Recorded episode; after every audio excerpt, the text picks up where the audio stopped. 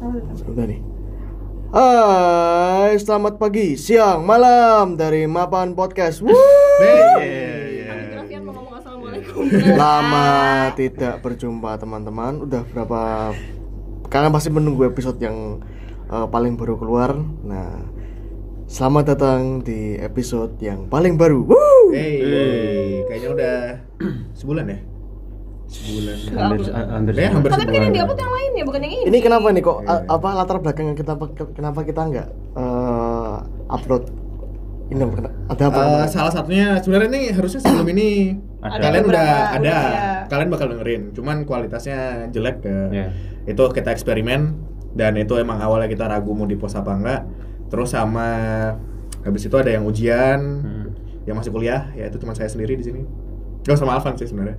Tapi Alvan juga sakit ya? Kemarin sempat DP. sakit Alvan. ya pernah Aku juga Sekarang ujian. sudah sembuh. Oh iya, ada yang udah lulus bro. Wuh. Eh, Congratulations untuk Vina. akhirnya lulus. Apa? SPSI. SPSI. SPSI amin. Ya, sisanya jangan ditanyain Udah, udah, udah, udah dua atau four ya. Dua atau four ya, ini yang lulus. Oke, ngomong-ngomongin soal eh, aku malah sempat ngira salah satu dari kita tuh galau. Mhm. Gara-gara apa? Kita tuh nggak ngupload lama gara-gara salah satu dari kita tuh galau. Tapi ternyata nggak. kata siapa Gimana? Nggak jadi nggak jadi. Eh, pada episode kali ini kita akan ngomongin sesuatu yang hot. Hmm. Sebenarnya Hot. Sang- sebenarnya enggak enggak kita enggak enggak akan ngomongin api. Kita akan ngomongin satu topik yang rada-rada sensitif, Hmm. sensitif yaitu mental health.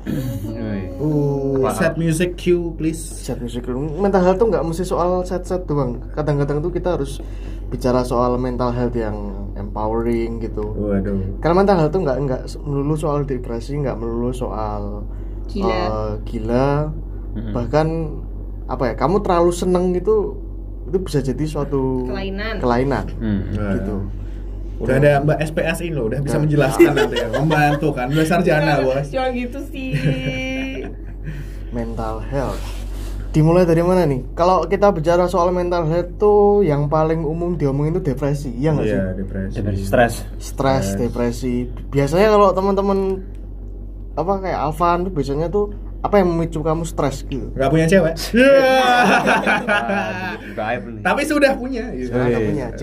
Ya, ya apa sih sebenarnya kayak kadang kan orang apa ya? Kalau aku sih merasakan itu nggak tahu ya depresi apa enggak kan harus di bener-bener di diagnosis sama dokter kan. Iya. Ya, Bukan gitu. depresi itu, stres aja kan. Iya. Ya, makanya banyak orang yang terlalu menggampangkan depresi. Kayak mereka ngerasa, wah aku sedih hari ini, wah aku depresi deh kayaknya. Padahal Iya, tuh iya. enggak Cringe. sama sekali. Ya ya ya ya. Kalau aku sih mungkin kayak aku kalau aku sih mungkin kayak pernah ada punya pengalaman nggak enak gitu terus jadi kayak ada semacam trauma sih. Aku nggak nggak ngerti soal mental health sebenarnya, maksudnya kayak yang spesifik kayak gimana gitu loh. Cuma jadinya kayak takut membuka Hati. diri Oh, diri. sama orang gitu jadi kayak jadi kayak dampaknya ke eh, aku susah bersosialisasi gitu Wah. kadang-kadang. Introvert ya, Mas? anehnya aku kalau yang pakai tes tes yang di website itu Oh iya kan, Mas. aku Extrovert ya, jadi ya. kayak bingung juga ya itu sih maksudnya kalau aku kasarnya gitu Kalau aku apa ya? Sebenarnya aku suka- aku jujur aja buat teman-teman listener aku tuh lagi stres gitu loh. Jadi bukan bukan stres yang ju, apa namanya? eh aku worthless gitu enggak, tapi ternyata mencari kerja tuh sesuatu yang bikin aku cukup terpressure ya. ya. Karena aku udah ngelamar tuh ini aku jujur aja buka-bukaan aja. Aku udah ngelamar di sekitar 80 something perusahaan dan ya antara ditolak atau dikacangin sama HRD. Jadi kayak itu semacam hal yang bikin aku agak sedih gitu.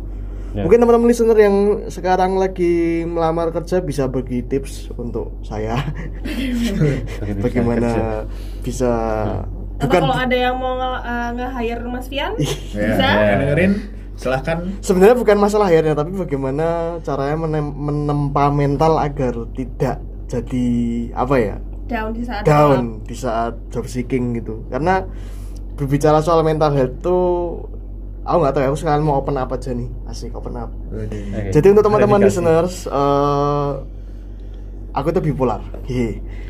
Sudah maksudnya udah periksa Ya. Sudah, sudah, sudah. Jadi aku eh, apa namanya? Ternyata aku bipolar itu sudah dari umur 10 tahun. Hmm. Dan eh, apa namanya?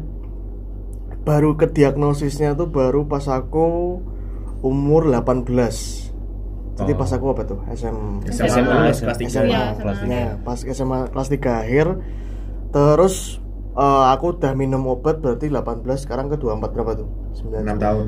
Aku udah 6 tahun minum obat. Kian tua ya. Belum 24 yo. ya belum Belum 24, mendekati belum 24, Oh, mendekati iya, iya, 24. iya. Jadi aku udah hampir 6 tahun minum obat dan banyak suka dukanya lah menjadi seorang bipolar. Ada yang kalian tahu gak sih sebenarnya bipolar itu apa? Gitu. Yang ada di kutub utara, Bro. Itu pol. Polar bear ya. Itu pol. Jauh kalau banget ya setahu aku mood yang gampang berubah Satu, iya bisa jadi Eh, Dengan intensitas yang tinggi. yang intensitas yang tinggi. Oke. Wah, kemarin kayaknya pernah bahas ini ya kita. Sebenarnya Hmm. kesulitan paling besar karena aku bipolar tuh eh, ya benar mood swing. Eh, aku jadi ilustrasinya gini teman-teman. Aku seminggu itu bisa seneng, seneng banget, parah. Kayak aku bisa punya ide macam-macam, aku bisa menghasilkan banyak karya lah tanda kutip gitu. Aku Hmm. bisa gitar-gitaran, wuh gitu loh. Hmm. Seminggu berikutnya aku bisa sedih, benar-benar sedih dan eh, aku buka aja sekalian. Ya ini buat informasi sempat ada kemi- ada kepikiran pengen bunuh diri beberapa kali itu pas Ya. fase depresi jadi bipolar tuh kayak semacam kalau dibikin grafik itu ada gra- grafik naik sama grafik turunnya turunnya. gitu. Tapi semuanya sudah membaik setelah aku minum obat. Jadi sekarang tinggal aku sebenarnya itu nggak nggak itu sih udah nggak su- suicidal lagi. Hmm. sekarang tinggal manajemen aja dan itu masih susah sebenarnya. Terutama karena sekarang nggak ada kegiatan. Vin bener nggak sih kalau nggak ada kegiatan tuh memicu apa ya nge-trigger itu loh Aku sih di logika aja kalau misalnya kita nggak ada kegiatan kita jadi lebih sering sama diri sendiri, lebih sering mikir, lebih sering overthinking gitu sih aku rasanya. Hmm, iya sih.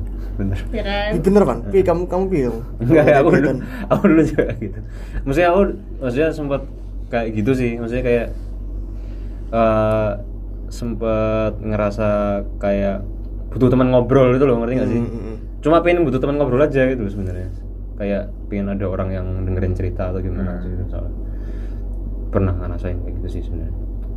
Terus bipolar tuh yaitu apa namanya? Kita depresi cuman kita depresinya tuh kita tuh kadang nggak tahu gitu loh. Penyebabnya aja penyebabnya apa tuh kita nggak tahu. Kadang tuh bisa trigger Hmm. bisa dari lingkungan tapi kadang-kadang out of nowhere tuh aku bisa depresi gitu loh. Iya bahkan orang-orang yang depresi berat aja nggak ngerasa kalau mereka depresi sampai pada akhirnya tahu-tahu mereka pengen bunuh diri. iya. Hmm. Tahu-tahu aja nongol. Prejudis kalau eh, orang yang menderita mental health tuh biasanya ada triggernya yang kayak apa namanya eh misalnya trauma masa lalu. Padahal enggak genetik juga bisa gitu loh. Oh genetik juga bisa. Faktor genetik juga bisa. Aku termasuk yang genetik kan oh. Jadi apa namanya aku punya trauma masa lalu sih. Cuman kalau kata dokternya aku ada faktor genetik. Oh jadi itu jadi kayak memperparah ya istilahnya. Bukan memperparah. Jadi kayak ibaratnya eh, ada so- entah saudara jauhku atau mungkin atas atasku yang menderita bipolar juga Ya kayak Oh. kayak kalau misalnya kamu apa keluarga kamu ada yang punya kanker, kamu kemungkinan juga bisa dapet kanker gitu. loh. hmm gitu makanya Jadi physical health sama mental health tuh nggak nggak beda jauh. nggak beda sebenarnya. jauh gitu Oh. jadi jauh. harus itu yang harus dipahami gitu loh Iya, iya, iya. makanya kadang-kadang tuh orang yang bilang aku paling sebel kalau ada yang bilang kalau Jo aku punya mental health terus oh kamu tension seeker nih gitu-gitu. Hmm. Itu ah. Ya ada sih ada sih yang kayak Ya, gitu tapi ada yang berat kayak gitu ya. tension seeker itu ada maksudnya. Tapi kayak tetap itulah beda. Maksudnya ya susah gitu loh. Maksudnya aku nggak men- aku nggak menerima ini tuh karena ini pilihan gitu. Enggak gitu. Iya.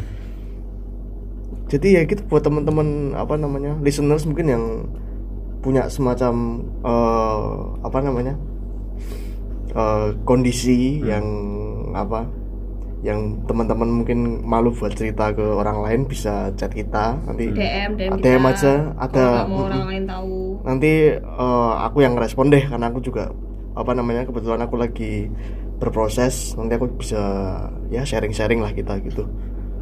Tapi ngomongin soal susah dulu tadi kayak ternyata di Indonesia tuh belum ada hotline buat bunuh diri kan? Kalau ada pun aku nggak tahu sih apa. Soalnya kayak eh, kalau aku sih pernah dengar cerita dari salah satu channel di YouTube gitu dia ngundang satu artis gitu terus dia ngomong dia dia punya apalah depresi juga sih Ini YouTube mana? YouTube Indo? Apa YouTube Iya luar? YouTube, YouTube Indo. Uh, Terus kayak eh, dia juga sampai suicidal juga gitu, sampai drugs juga. Gitu. sampai drugs Ya itu di luar tapi dia posisi di luar tapi. Heeh.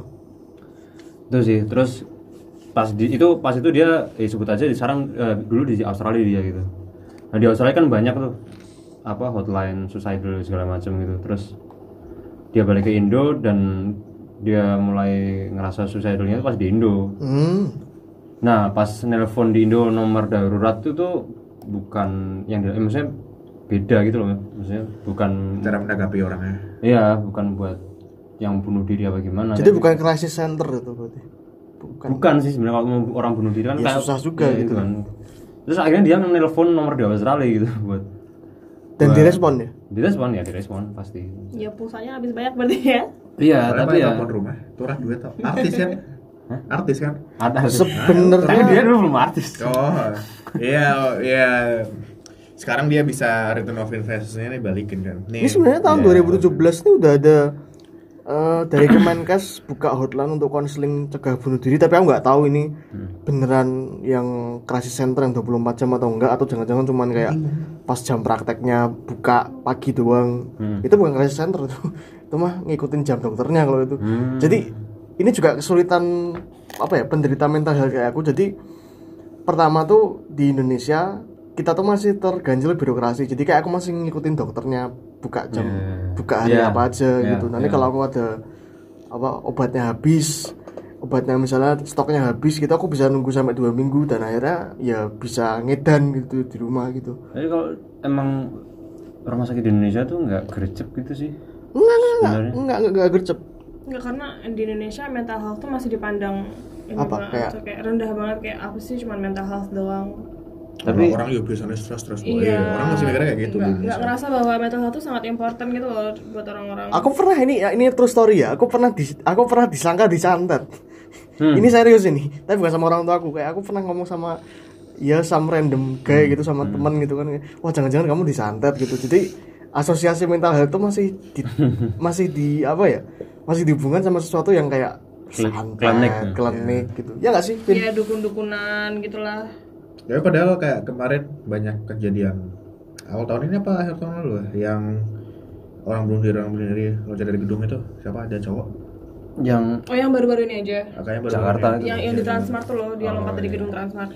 ya terus banyak tuh tapi orang-orang kayak ya di sosial media terus kayak ya mental health is important bla bla bla, gitu cuman itu kan Indonesia tuh kurang lebih ada 250 juta penduduk itu pun yang pakai Twitter aku ngeliat yang retweet nge-like aja paling berapa nggak sampai 100 ribu orang gitu loh Oke. jadi ya emang kalau mau dibilang Indonesia emang kurang peka ya ya cuman segitu berapa persen tuh Iya, lima apalagi yang pelosok-pelosok sih. nah Iya. 100 ribu banding 250 juta satu persen katakanlah nggak sampai satu persen orang Indonesia Hmm. tuh memahami mental health. mental health gitu Ya kalau di desa-desa gitu kan kalau misalnya kamu gila dalam tanda kutip itu kan pasti di di di, di apa Pasung. namanya? Di, ya dipasung gitu-gitu bukannya malah dibawa ke dokter atau dia apa atau suruh ikut rukiah Mm-mm, ya ntar kalau udah give up masukin RSJ ditinggal itu mending masuk masukin RSJ bro biasanya cuma dikurung di rumah Mm-mm. malu gitu loh Mm-mm.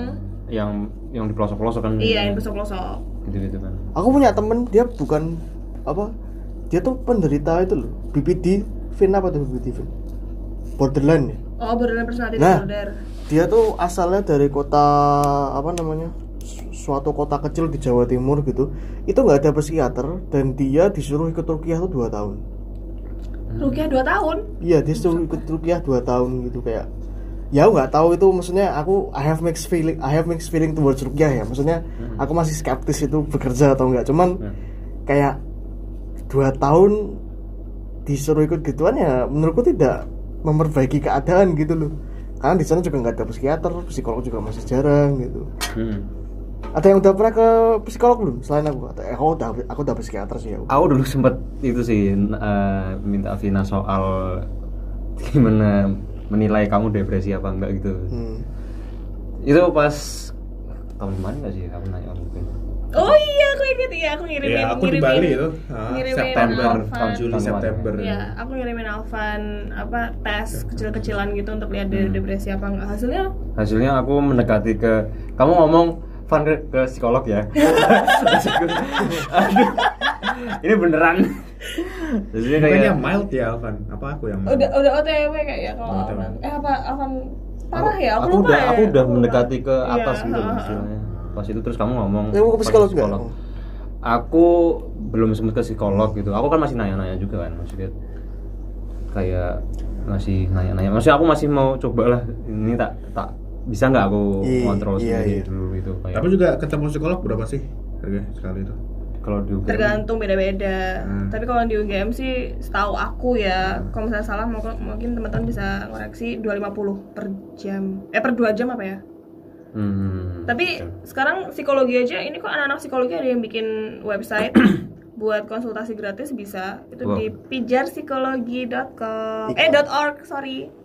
Terus kemarin aku sempat baca di lain juga. Sekarang di puskesmas tuh udah ada psikolog. Iya. oh iya iya iya, iya. diskusi mas ya Itu harganya mungkin lebih murah. Iya. oh oke Soalnya kalau aku juga mikir eh, udah mental health orang yang ngerti dikit susah terus mahal kan orang jadi makin mahal Semakin Ya, susah gitu loh. Semakin makanya. menanganinya semakin kompleks. mikir lagi kan duitnya Iya, kayak misalnya ya orang-orang desa lah gimana ketemu dua jam udah lima puluh ribu yo, Ya. gue mikir ya mahasiswa juga sih Iya. Iya, mahasiswa juga sih. maksudnya kayak itu kan sama aja kayak kita beli obat kan ya atau kita periksa ke dokter kan Iya. Ya, periksa ke dokter sih itu Aku sekali periksa ke dokter itu, nah ini obatnya ternyata juga cukup mahal. Jadi Hmm. aku nggak pakai BPJS karena apa namanya kendalanya kalau pakai BPJS tuh gini loh teman-teman listener obat itu kadang itu cuma ditebus itu cuma seperempatnya. Sisanya harus beli sendiri sama aja gitu oh. Jadi aku memilih untuk tidak pakai BPJS Eh, satu kali sebulan tuh aku harus merogoh kocek kira-kira 600 ribu. 600 Tapi ribu. Bukannya kalau BPJS juga eh, atau topik sini eh, mereka juga nggak bakal ngasih obat yang bagus ya kayak obat yang apa sih namanya? Standar generik iya iya Nah, iya obat ya generik obat yang itu obat yang jadi ada kalau di obatku tuh ada obat yang murah Hmm. yang satu pil itu cuma 600 ribu perak tuh ada Hmm. ada obat yang satu pilnya itu 12.000 ribu nah yang BPJS tuh nggak mau cover yang satu pil itu 12.000 ribu itu Hmm. jadi cuma ngover yang murah gitu Oh. Terus apa solusimu kan buat maksudnya kayak apa caramu buat menanggulangi atau menyelesaikan apa ya istilahnya penyakitmu ini kalau bisa dibilang penyakit. Apa ya aku ikut terapi jadi eh, apa namanya eh, seminggu itu aku bisa tiga kali ke Gracia. Itu ada terapi kognitif eh, terapi macam-macam itu terapinya kan ya. Sebenarnya nggak nggak nggak boleh buka ini demi alasan apa demi alasan etik sih cuman Wih, tapi jadi berarti jangan bukan apa? Bukan bukan bukan bukan aku bukan berarti aku buka juga cuman intinya terapinya itu banyak. Yang intinya eh, apa namanya ya eh, me- me- mengembalikan eh, mood yang stabil gitu Oke. terus cara aku bisa sadar gimana sih aku tahu kalau aku tuh lagi naik lagi turun dikasih tahu caranya oke gitu terus ya apa ya kayak terus sisanya 70% yaitu yang aku bilang tadi diri sendiri kayak self managementnya oh gimana ya, ya, ya. menghindari trigger-trigger yang nggak perlu kayak Hmm. misalnya kalau aku pribadi gini aku di tempat yang teman-teman listeners mungkin suka dugem ya beberapa ya. Suka ke tempat namanya cicik. Nah itu. Klub, tempat klub, klub, itu. Night club. Night club gitu. Aku nggak bisa di tempat kayak gitu. Jadi salah satu caranya adalah menghindari tempat-tempat yang seperti itu gitu. Yang kayak suara keras terus Hmm. memicu stres gitu. Oke. Terus kalau aku lagi depresi, eh, salah satu caranya adalah menghindari meng- menghindari dengerin musik-musik MCR. Itu enggak, enggak boleh. Jangan Musik-musik emo. musik- musik-musik emo, musik-musik yang sedih gitu. Karena itu akan bikin tambah turun lagi gitu. Sepengalamanku. Dia tuh berarti triggernya Vian aja kan. Mm-mm. Ya. Tapi aku mau eh, ini juga sih kayak jelasin kalau kamu punya mental health itu nggak berarti kamu harus minum obat-obatan banyak kayak Mas Vian karena pengobatan itu nggak harus obat-obatan aja. Yup, Eh, bisa dari terapi-terapi doang. Tergantung diagnosisnya. Iya, tergantung diagnosis kamu dan banyak orang-orang yang nanya sama aku beda psikiater sama psikolog tuh apa sih? Kayak mereka nggak paham gitu kan psikolog Iya, iya. dan psikiater apa. eh, kalau pemahaman aku psikiater itu mereka S1 nya kedokteran, S2 nya psikologi dan mereka berhak ngasih kamu obat-obatan. Kalau psikolog itu nggak berhak ngasih kamu obat-obatan, tapi mereka lebih ke terapi-terapinya. Hmm, psikolog berarti teman ngobrol semua. Iya, dan psikolog itu S1 S2 psikologi semua. Oh, oke oke. oke. Gitu, teman-teman. Kalau satu manajemen S2 psikologi dapat Sang? Arabmu. Nah, aku nanya serius loh. HRD HRD, mungkin HRD, HRD, HRD, HRD, HRD. mungkin HRD. ya mungkin eh sedikit ada lagi yang mau mungkin nambahin eh, ada mungkin Vina atau Vian ada info soal misalnya orang misalnya eh, listeners yang mau eh, periksa gitu. jangan malu-malu kuncinya itu Iya. jangan malu-malu begitu ada tahu temen yang apa ada temen yang aku kayaknya kok pengen bunuh diri atau kayak gitu gitu tanda-tandanya segera dibawa ke atau diarahkan lah minimal lah Iya, check, check up on your friends aja. iya jangan Kalau di oh, langsung jangan menghilang. Mm-mm, jangan dibully terus jangan dibawa ke rukiah gitu Kalau mereka nggak mau ke psikolog ya coba kamu uh, minta dia cerita karena cerita aja Dengarkan. biasanya biasanya udah mulai lega sih Yes. kalau buat orang-orang tuh. Benar sekali. Apa ya yang paling besar tuh masih rasa malu tuh loh rasa malu kita ke psikolog gitu karena Iya karena merasa kalau kamu punya apa sesuatu yang salah kamu orang gila. Padahal enggak. Kayak orang normal aja bisa punya penyakit kayak Iya. gitu. Hmm. Yoi, eh, untuk menutup tadi eh, apa namanya eh, encouragement buat teman-teman sekali lagi kalau mungkin teman-teman sendiri ngerasa ada yang salah dengan eh, keadaan jiwa teman-teman bisa ke psikolog atau minimal cerita ke orang yang terdekat bisa orang tua atau mungkin pacar yang punya pacar gitu tapi jangan cerita ke mantan nanti malah Ya jangan drama. Tambah stres. Nanti Ini Mas Rio mau menambahkan? Hah? Ada yang mau ditambahkan Mas Rio? Apa ya? Eh, tadi ngomongin yang attention seeker sih. Hmm. Iya, sebelum penutup dikit lagi deh. Kayak sepengetahuanku ya, karena dulu aku ya SMP SMA sempat rada bukan depresi juga sih aku soalnya nggak berani self diagnose juga cuman aku memang ngerasa stres parah Eh, itu tuh aku melihat teman-temanku yang quote and quote emo yang suicidal sosok Oke. suicidal ya Ah. aku bilangnya itu cenderung suka update yang self harm gitu loh Oh. tapi self harmnya kentang Oke oke. Gitu. Kayak mau cutter tapi nggak di cutter nih. bagian Cuma ditaruh pahanya ya taruh doang apa apalah gitu eh, kali gitu ya kali. Bisa kali. Ada ada. Banyak yang orang-orang yang menurutku attention seeker yang kayak gitu. Cuman ya Pak, aku nggak tahu eh, mungkin ada yang Beneran. beneran self harmnya parah apa gimana aku nggak tahu. Cuman biasanya yang sampai update itu itu udah att- attention seeking sih. Karena kan dia update pengen dilihat orang gitu. Logika aku udah kayak gitu aja. Iya. sedangkan malah orang-orang yang benar-benar suicidal maksimal itu dia nggak nunjukin apa-apa gitu. Loh. Hmm. kayak Kamu nggak akan tahu. nggak akan tahu gitu. Orang kamu kayak ya tahu-tahu kamu hari ini ketemu nih eh piye bro. Deh besoknya udah gantung diri. Banyak Hmm. yang kejadian kayak gitu kan. Ya, ya, ya. banyak. Jadi ya buat teman-teman kalau ada punya teman yang emang ya kayak Mas Fian tadi bilang apa mulai aneh mulai susah mulai ini ya coba dibujuk ke psikologi apa ke psikologi? Ke psikolog gitu. Suruh kuliah psikologi, Bro. Iya, kuliah dulu biar mengerti kan. Stres mengerti gitu. Stres stresnya sambil belajar psikologi kan jadi makin mengerti cope sama dirinya Iya, sendiri. anak psikologi pasti kebanyakan pada punya mental health semua kok. iya. Oh, Pasti Oh, pada yes. pada ini semua, iya. Ya kita apa namanya mengobati diri sendiri dengan kuliah 4 tahun di psikologi. oh iya wow baru tahu itu itu Baru tahu. sekelas info sih. jadi kalau kalian pingin yang suka stres-stres sendiri Alvan. Weh. psikologi aja Vanes dua Van nggak nyambung. Terus psikologi arsitek apa Van? Oh mungkin bisa memahami tingkah laku orang. Tuh, di dalam rumah Di dalam gitu. rumah, oh bener, dalam rumah. bisa Oke. anyways eh, itu tadi soal mental health Eh, terima kasih sudah mendengarkan Oke. Eh, jangan sukan-sukan eh, apa namanya DM kita. Eh, mau sharing gitu segala macam terima kasih sudah mendengarkan yeay Yuk. Bye.